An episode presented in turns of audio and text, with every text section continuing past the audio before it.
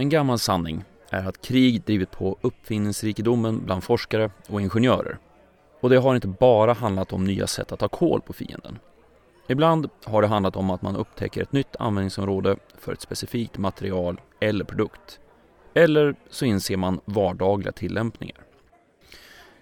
Mikrovågsugnen, bindor, tepåsar, dragkedjan, silvertejp och walkie-talkies är bara några av de uppfinningar som kom från militär forskning och användning.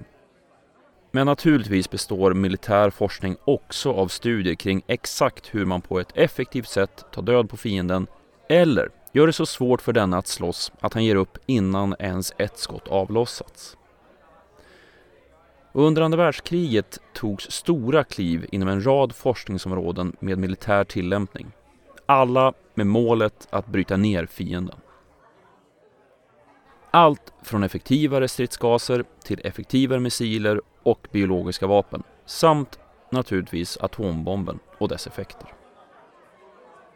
Under kriget jobbade alla sidor frenetiskt för att komma fram till mer effektiva lösningar än fienden samt att snabbt få ut dem här på slagfältet.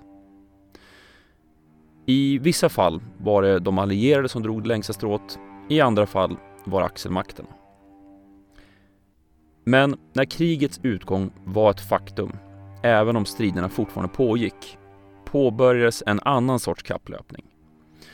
Jakten på de forskare och ingenjörer inom axelmakterna som arbetat med militär forskning, inklusive underlaget och resultaten till deras forskning.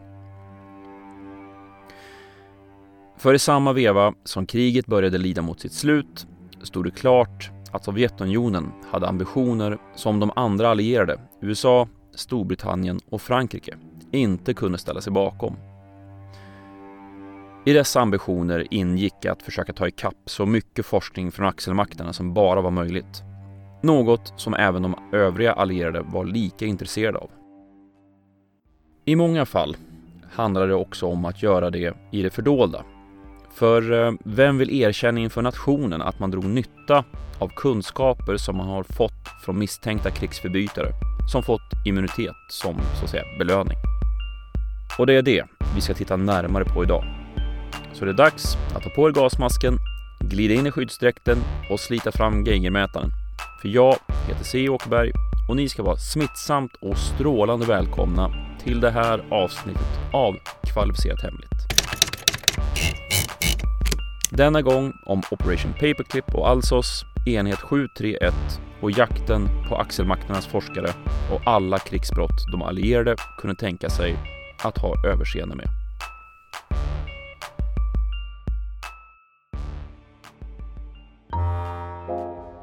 To help show you what is being done to solve these problems, we have called upon one of the foremost exponents of space travel, Dr. Werner von Braun, who is at present the chief of the Guided Missile Division of the Army's Rocket Center at Redstone Arsenal. He was also overall director of the development of the original V 2 rocket.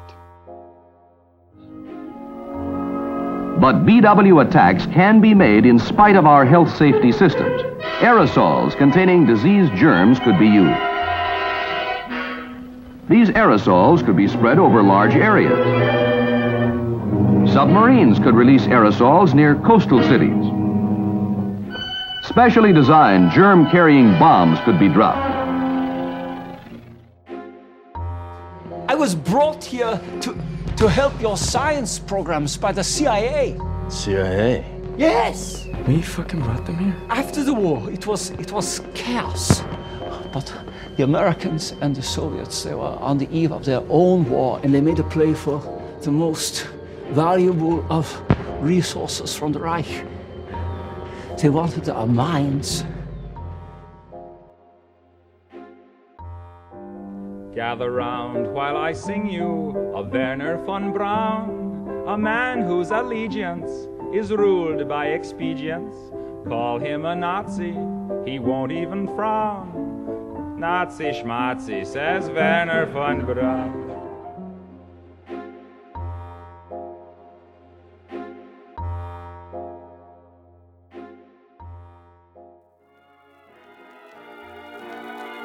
Under krigssommaren 1944 drabbas London av en ny typ av angrepp. På håll hörde man ett dovt surrande som kom allt närmare. Sen blev det plötsligt tyst och därefter en kraftig explosion. Det här var en ny typ av blitz. Alltså den bombningskampanj som England utsattes för under 1940 och 41 av tyska flygvapnet inför en stundande invasion. Nu blev invasionen aldrig av, mycket tack vare misstag på tyska sidan i val av mål och strategi i bombkampanjen. Men 1944 är tyska krigsmakten hårt pressade från både väst och öst på europeiska kontinenten. Hitler han efterfrågar ett undervapen som kan vända krigslyckan eller åtminstone sätta stopp för de allierades framgångar. Svaret på Hitlers förfrågan är den primitiva kryssningsmissilen V1 där V1 står för Vergeltungswaffe. Den här missilen har utvecklats under början av andra världskriget och ansågs vara redo för insats under sommaren 1944. Missilen drevs framåt av en pulsjetmotor som gav den dess distinkta ljud och den kunde komma upp i hastigheter runt 600 km i timmen på en höjd mellan 600 och 900 meter. Stridsspetsen på missilen vägde 850 kilo. Under kriget avfyrades totalt 9251 V1-missiler mot England, varav majoriteten var riktade mot London. Drygt 2500 avfyrade V1 träffade staden och totalt dog nästan 6 200 personer och närmare 18 000 skadades i de här bombanfallen. Men vetmissilen var förhållandevis opålitlig.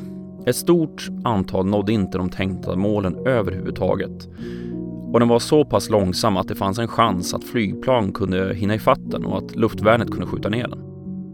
Men lite senare, på hösten 44, drabbades London av ytterligare en ny bombtyp. Denna gång fanns det inget surrande eller någon förvarning för Londonborna. Istället, från ingenstans, kom bara en massiv explosion. Det visade sig att Nazityskland hade producerat ytterligare ett hämndvapen, benämnt V2. Denna gång rörde det sig om en massiv raket, närmare 12 ton gentemot V1ans 2 ton och med en större sprängladdning, runt 1 ton av högexplosivt amatol. Vivid German films uncovered by Allied occupation men tell the story of the V-2 rocket through enemy eyes. In a last desperate attempt to escape defeat, German science threw everything it had into the perfection of V-2. Hurtling through the stratosphere at 3,000 miles an hour to fall on London, this was the peak of 15 years of German scientific research. Men det var inte bara London som drabbades.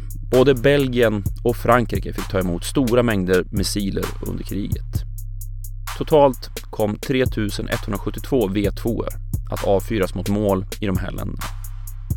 27 mars 1945 träffar de två sista V2-missilerna England, följt av den sista V1-missilen 29 mars.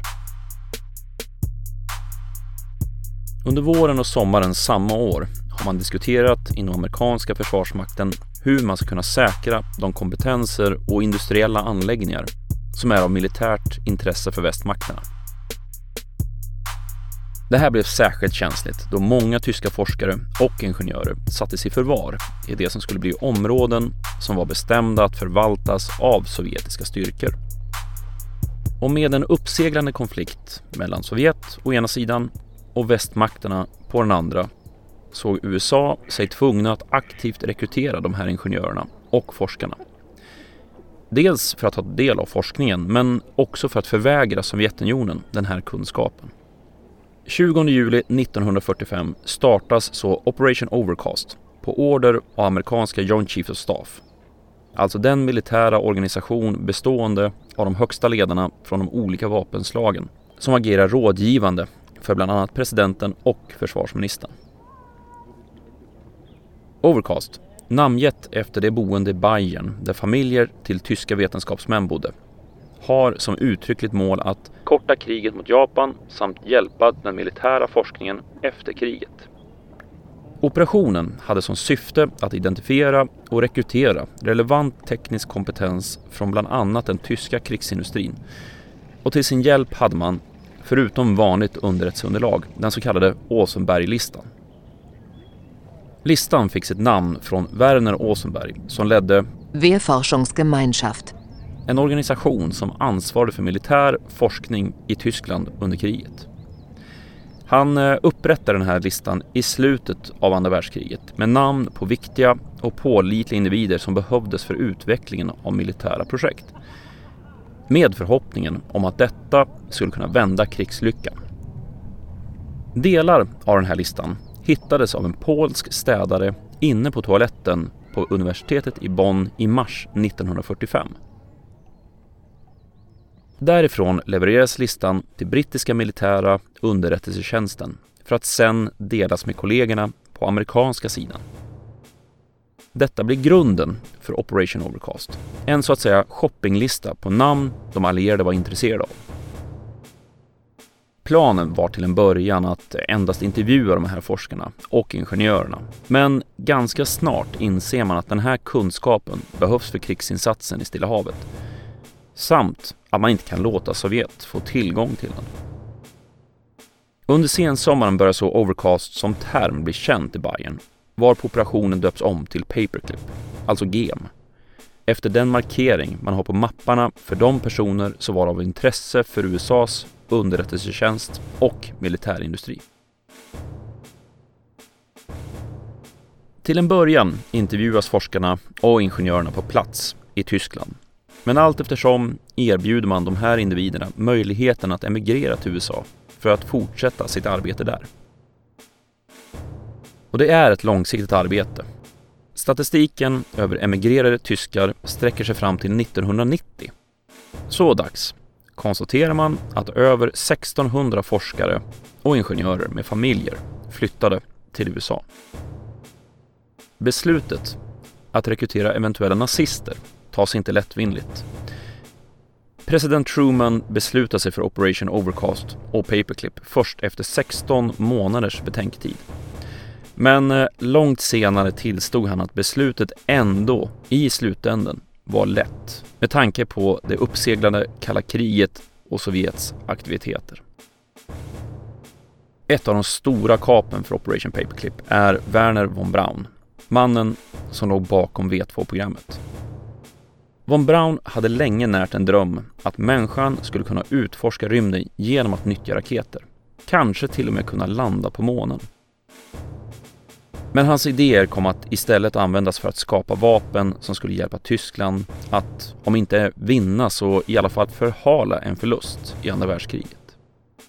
Von Brauns relation till nazismen kom att bli ett ständigt återkommande tema under hans tid inom amerikanska militären och administrationen.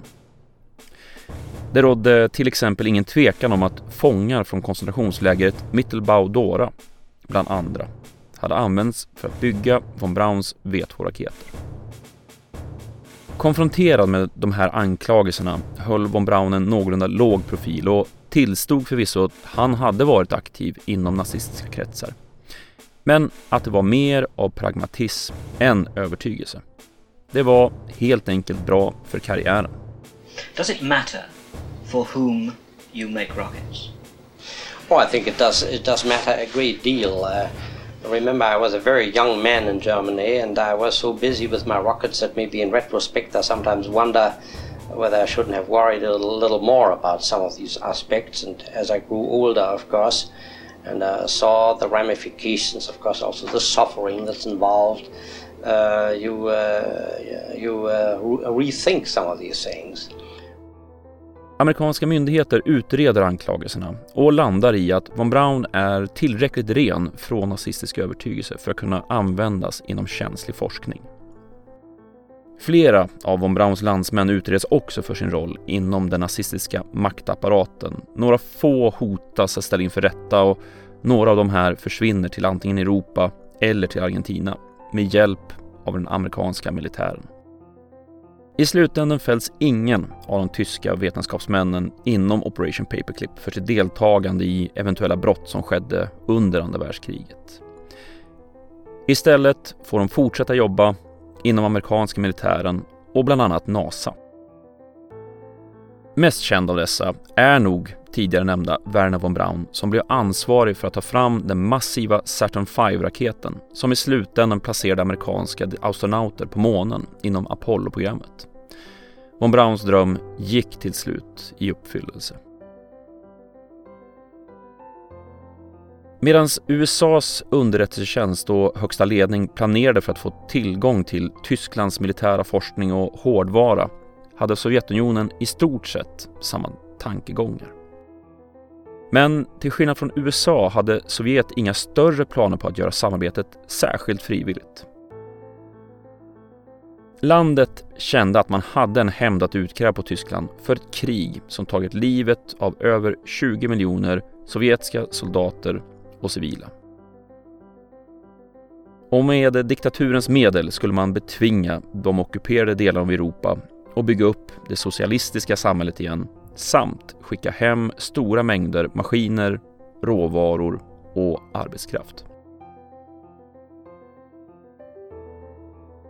Kanske förståeligt fanns det också en underliggande rädsla för att lämna Tyskland sårat, men kapabla att snabbt bygga upp sin militära kapacitet igen. Tanken var alltså inte bara hämnd utan också att vinklippa en eventuell revanschsugen nation. Men den sovjetiska makten insåg också att synen på tvångsrekrytering och tvångsdeportation inte skulle direkt ställa landet i positivt ljus hos den tyska befolkningen i de ockuperade östra områdena. Områden som strax skulle ha ett första val för att välja vilka som skulle styra området efter andra världskriget. Och naturligtvis hade Sovjet säkerställt att kommunisterna var välrepresenterade och stärkta inför valet. Inget skulle lämnas åt slumpen för att säkra ett folkligt socialistiskt styre, men med Sovjetunionen i bakgrunden som styrande. Så, i det fördolda, sätt planer upp för hur man ska säkra både kompetensen och hårdvaran inom den sovjetiska säkerhetstjänsten MVD, föregångaren till det beryktade KGB. Forskare och ingenjörer identifieras, fabriker inventeras och katalogiseras. Och sovjetiska styrkor planeras för en kommande insats. 20 oktober 1946 hålls val i de Sovjetockuperade delarna av Tyskland. De enda valen som hölls innan Östtyskland bildades 1949. Där de socialistiska partierna får stora andelar av rösterna. Man kan nu, så att säga riskfritt, sätta nästa steg av planen i verket. Två dagar efter valet, 22 oktober, efter detaljerat planerande och förberedande, är man så redo från sovjetisk sida. Mitt i natten, genom hela den östtyska zonen, väcks nu de utpekade individerna med sina familjer av sovjetiska soldater. Totalt handlar det om 2200 utpekade personer plus familjer. Man får veta att man nu ska förflyttas till Tyskland för att jobba åt den sovjetiska nationen under längre tid. Medan familjerna informerades och påbörjade sin packning tog soldater och packade ihop delar av bohaget för vidare transport till väntande godståg. Men det var inte alltid som familjen behövde följa med. Kravet på arbete lades på den identifierade ingenjören eller forskaren som sovjetiska myndigheter ansåg sig ha nytta av. Det fanns fall där frun och familjen stannade kvar i Tyskland medan maken togs med till Sovjet. Men också fall där ogifta par båda åkte för att få vara tillsammans. Vad vi vet idag så berördes totalt mellan 6 och 7 000 personer av den här förflyttningen. Operationen, som kom att nämnas efter en sovjetisk paramilitär organisation, hade förberetts under lång tid Bland annat hade man sett till att ställa i ordning strax under 100 tåg för att kunna transportera de utpekade personerna med familjer samt delar av deras hem till deras nya hemvist i Sovjetunionen i ett svep. Utöver de här rekryteringarna monterade man ner hela fabriker runt om i den Sovjetockuperade zonen för att transportera tillbaka till Sovjet för montering och produktionsigångsättning inte sällan utfört av samma personer som jobbade på den här typen av fabrik och anläggning i Tyskland. För de allra flesta sträckte sig arbetet fyra till fem år i tiden och man var tillbaka i Tyskland i början av 50-talet.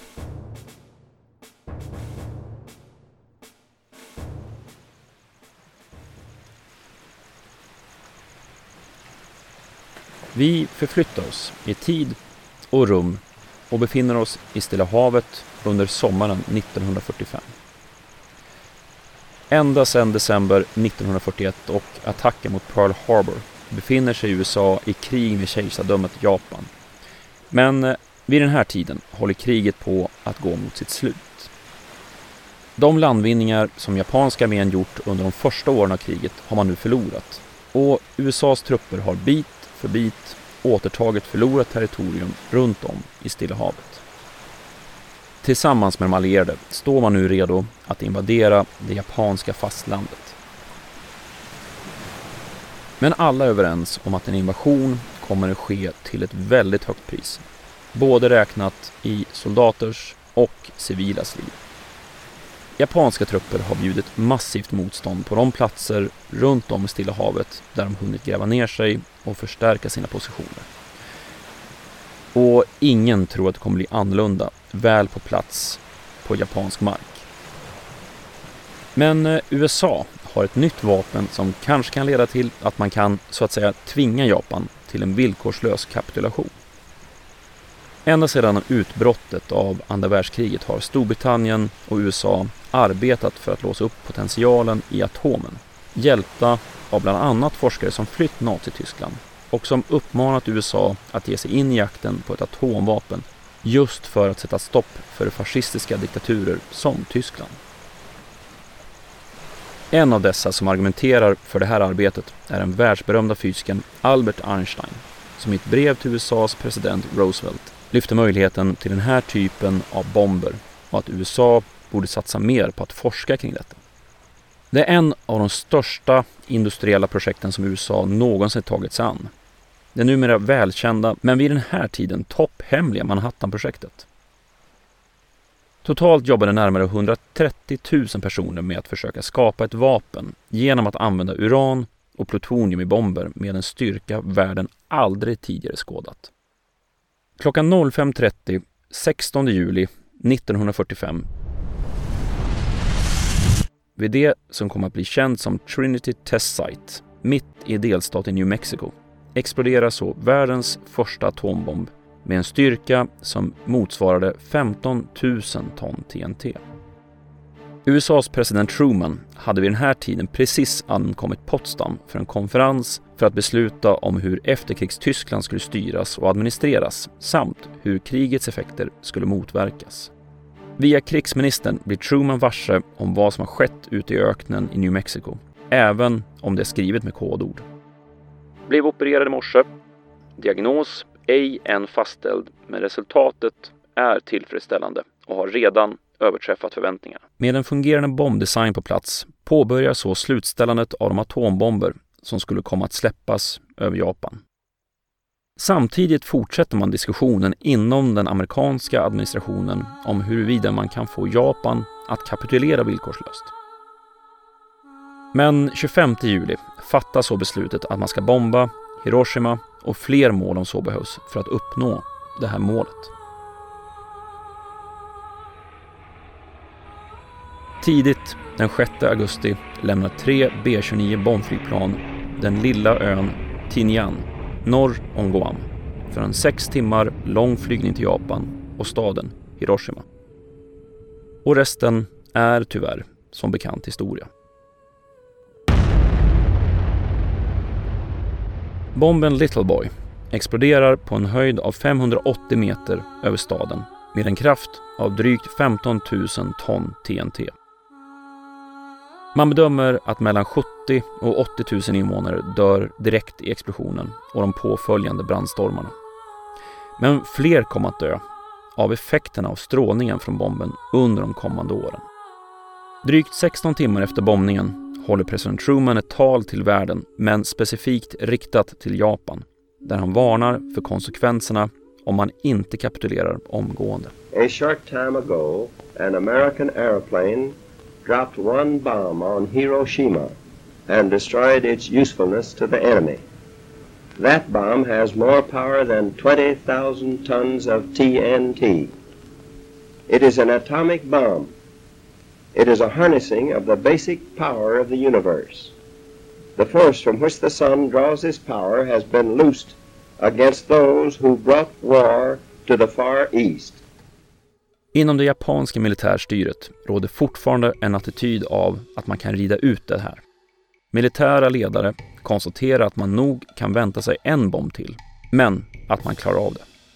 Man tvivlar på att USA sitter inne med flera bomber av den här typen.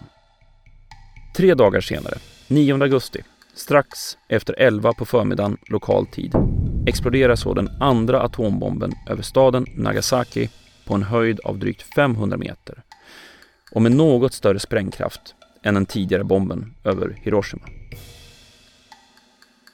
Stora delar av staden ödeläggs och totalt tror man att åtminstone 75 000 av invånarna dör av bomben, både direkt och i effekterna av bomben över tid.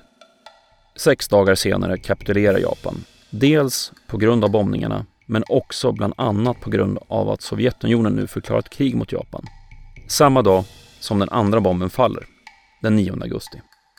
Atombomben var en av USAs bäst bevarade hemligheter under andra världskriget. Men eh, trots hemlighetsmakeriet var Sovjetunionens ledare Josef Stalin fullt medveten om vad USA hade forskat på och tagit fram i sina laboratorium.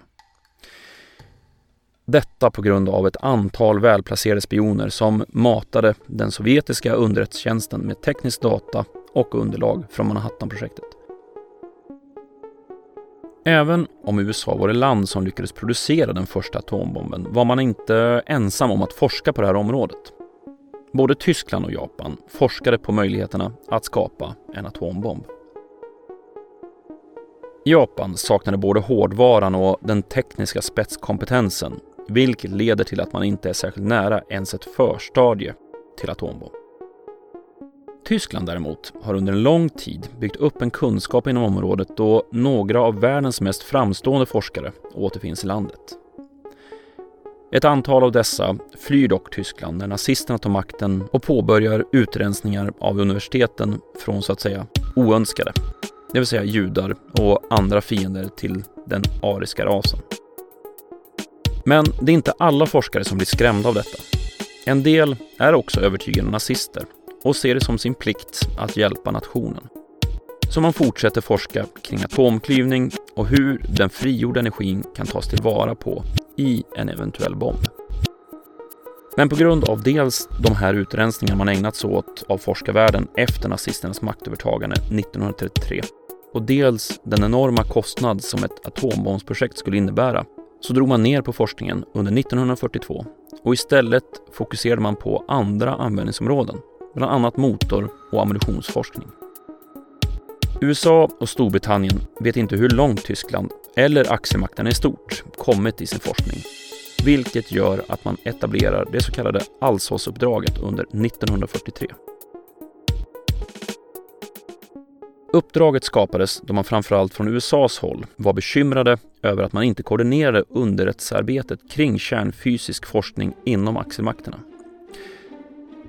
Så via Manhattanprojektet sätter man ihop en grupp med representanter från arméns ingenjörstrupper och underrättelsetjänst, flottans underrättelsetjänst samt relevanta forskare. Redan under hösten 1943, efter de allierades landstigning i Italien, skickas chefen för uppdraget, överste Boris Pash, till Italien för att ta reda på om italienska forskare och universitet har någon information om nazistisk forskning kring en eventuell atombomb. Men eh, utfallet är skralt. Man hittar ingenting som ger svar på frågan om Tyskland är nära att skapa detta fruktansvärda vapen. De allierade trodde att Roms skulle falla snart efter landstigningarna i början av september 1943, men Istället är det först i juni 1944 som staden är i allierade händer. Pers och några av hans medarbetare, som vid den här tiden befinner sig i London, kastar sig iväg till Rom för att kunna intervjua forskare och gå igenom bland annat Roms universitet i jakt på mer underlag. I Rom får man äntligen ta på den information man varit ute efter och kan med någorlunda stor säkerhet konstatera att Tyskland inte är nära att kunna producera en atombomb. Och när de allierade trupperna börjar ta sig in i själva Tyskland är Pers och hans medarbetare med, i jakt på dokument och utpekade ansvariga. Under april och maj 1945 befinner man sig bakom tyska linjer i sydvästra Tyskland för att få tag på forskare och deras utrustning. Något som man också lyckas med trots direktkontakt och eldstrider med tyska styrkor. Men ju tydligare det är att Tyskland inte varit i närheten av att lyckas bygga en atombomb så blir uppdraget för Alsos att förvägra Sovjetunionen den kompetensen som tyska forskare besitter och hårdvaran man har tillgång till. Till skillnad från Operation Paperclip erbjuder man inte de tillfångatagna forskarna möjlighet att migrera till USA eller Storbritannien. Istället hålls de i förvar i framförallt Tyskland. Men en handfull av de mest seniora forskarna transporteras till England i det som kom att kallas för Operation Epsilon under sommaren 1945. Efter ankomsten till England interneras de vid herrgården Farm Hall utanför Cambridge. Huset har utrustats med dolda mikrofoner i alla rum och tanken är att man ska lyssna av forskarnas diskussioner och på så sätt säkerställa att man har rätt bild av det tyska atombombsprogrammet. I slutändan är det inte särskilt mycket av intresse som fångas upp av mikrofonerna. Största insikten får man från den diskussion som uppstår bland forskarna när man diskuterar nyheten att USA släppt den första atombomben över Hiroshima.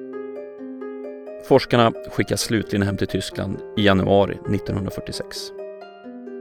Sovjetunionen var fullt medveten om den kapplöpning efter hårdvara, råvaror och kompetens man nu var involverad i gentemot sina västallierade. Men medan Allsåsuppdraget riktade in sig på spetskompetenser och råvaror så jobbade den sovjetiska motsvarigheten bredare genom att även söka efter kompetenser utanför specifikt forskning kring en atombomb. Och till skillnad från de västallierade gav Sovjetunionen ett eh, erbjudande till de forskare och tekniker man fick tag på. Som en så att säga återbetalning för kriget fick dessa personer jobba inom de sovjetiska programmen för att bland annat ta fram en atombomb. Först på mitten av 50-talet får forskarna chansen att åka hem tillbaka till Tyskland. Från sitt perspektiv ansåg amerikanerna att Alsos var en framgång. Många av Tysklands bästa forskare fångades upp av amerikanska styrkor Stora mängder av sällsynt kärnbränsle kunde beslagtas och skickas till England och USA, utom räckhåll för sovjetiska styrkor. Men även Sovjet ansåg att deras motsvarighet till Alsos var lyckad. I efterhand gjorde man bedömningen att den tyska kompetensen på plats besparade landet ett år i jakten på att knäcka gåtan kring kärnklyvning och att kunna använda det som ett vapen. Det var en viktig genväg som ledde till att man i augusti 1949 kunde spränga landets första atombomb. President Truman's dramatic announcement that Russia has created an atomic explosion sends reporters racing for Flushing Meadow, where Russia's Vyshinsky arrives to address the United Nations. Projektnamn Första blixten i det som idag är Kazakstan.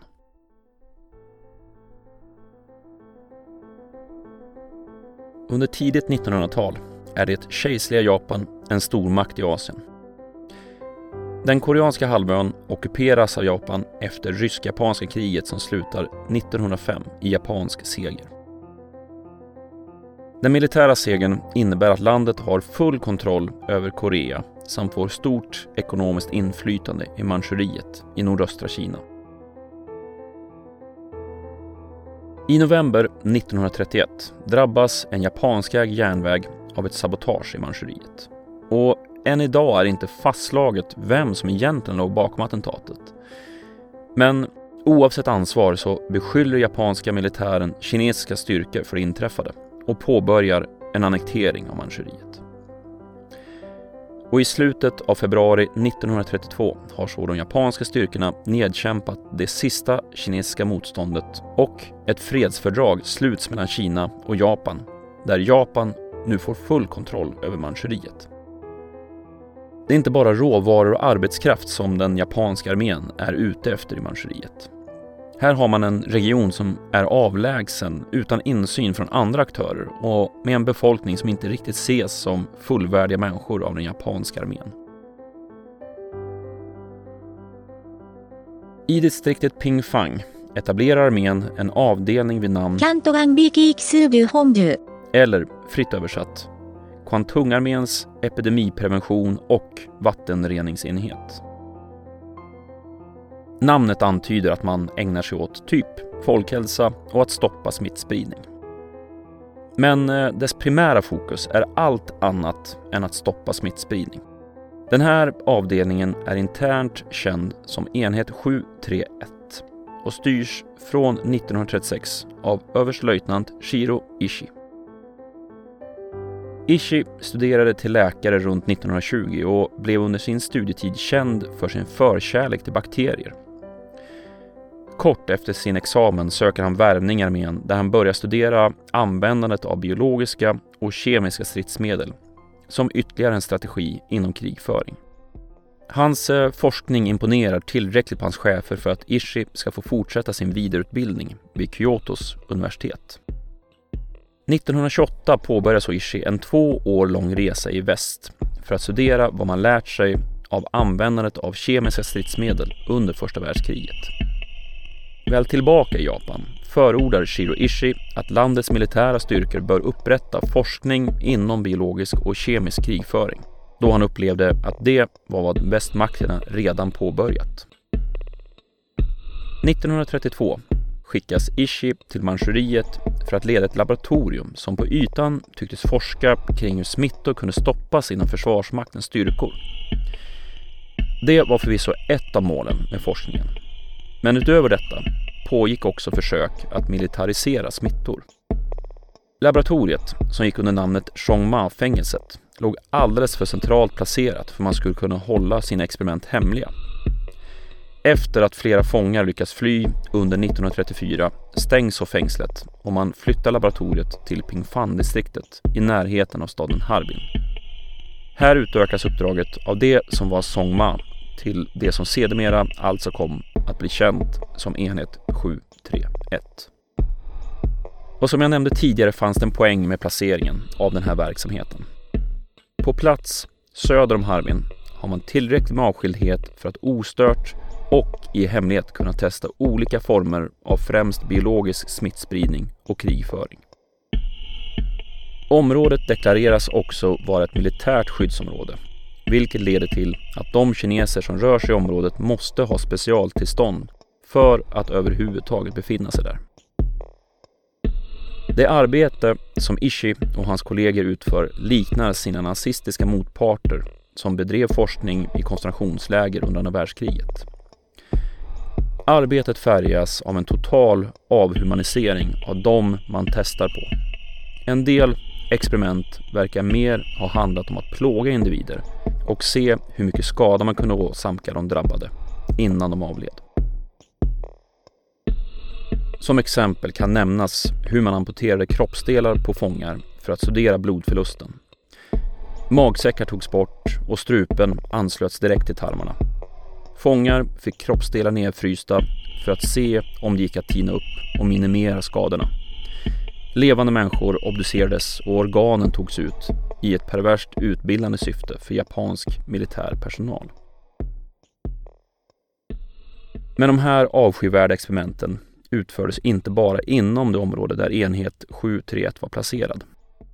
Runt omkring i Manchuriet testar forskare från enheten att sprida ut olika former av smitta, inklusive tyfoid och mjältbrand, i städer och bland byar.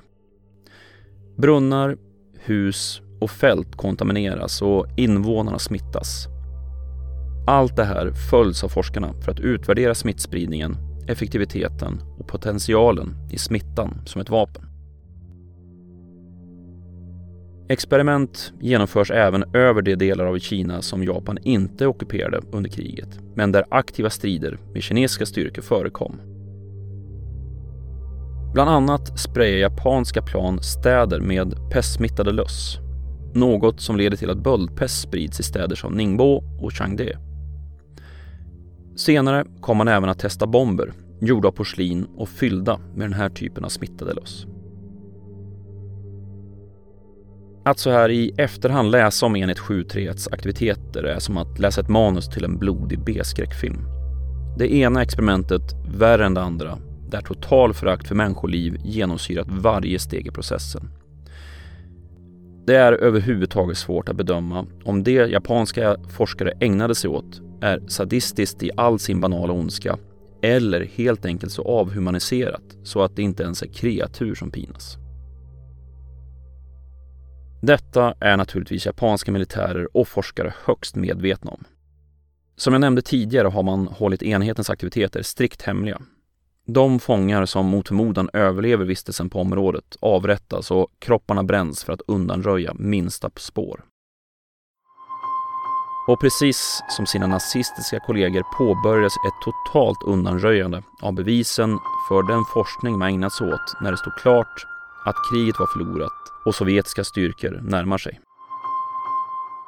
Alla kvarvarande fångar gasades, förgiftades eller sköts ihjäl. Efter att man bränt ner och försökt spränga de byggnader där enhet 731 huserat så flyr de japanska forskarna hals över huvud Manchuriet utrustade med cyanidkapslar i händelse att de skulle tillfångatas. Många av forskarna och personalen vid enhet 731 tar sig tillbaka till Japan. Men ett antal tillfångatas också levande av sovjetiska trupper. Dessa kom att intervjuas av sovjetiska utredare och ställdes till svars i det som kom att kallas för Chabarov-rättegångarna som hölls i slutet av december 1949. Totalt är det 12 män från den japanska armén som ställs inför rätta och alla män döms till fängelse. Men för att vara Sovjetunionen så är det förvånansvärt milda straff. Mellan 2 till 25 år i fängelse är straffet man tilldöms.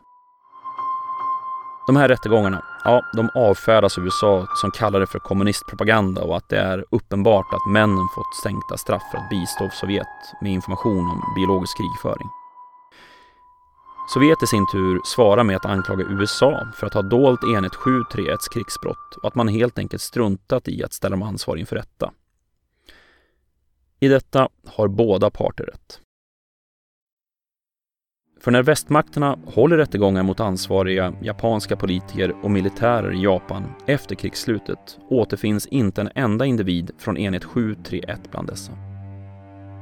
Enhetens aktiviteter nämns i förbifarten men i väldigt kryptiska ordalag och avfärdas raskt av rätten som ogrundade.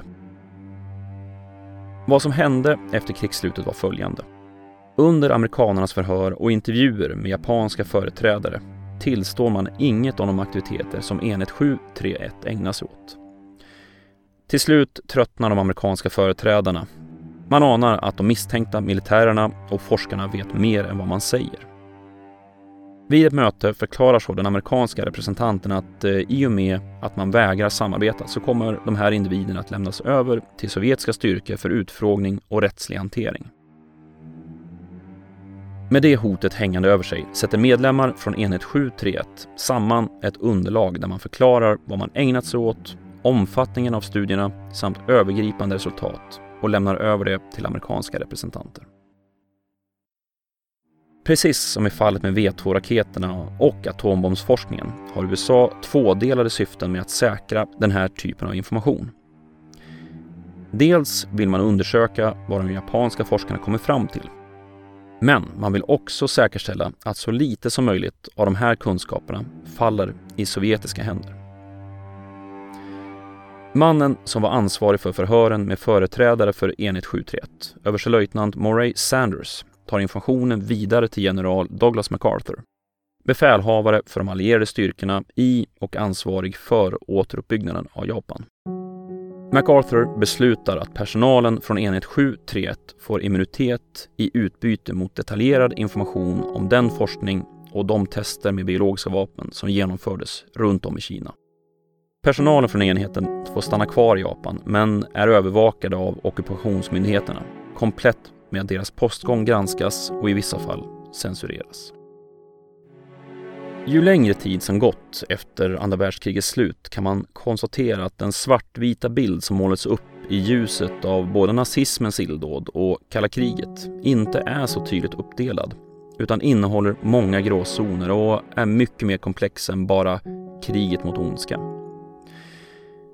Både Sovjetunionen och de västallierade konspirerade för att hålla den immunitet man gav tyska och japanska forskare hemlig.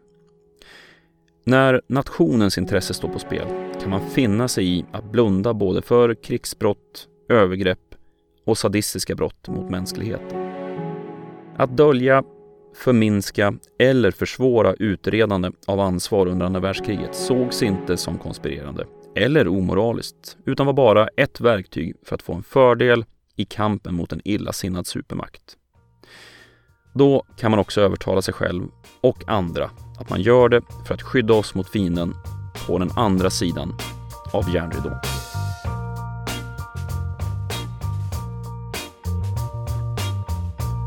Du har lyssnat på Kvalificerat Hemligt, en poddradio om konspirationsteorier och vetenskap. Länkar till musiken, videoklipp och annat som nämns i programmet återfinns på programmets hemsida, khpodden.se.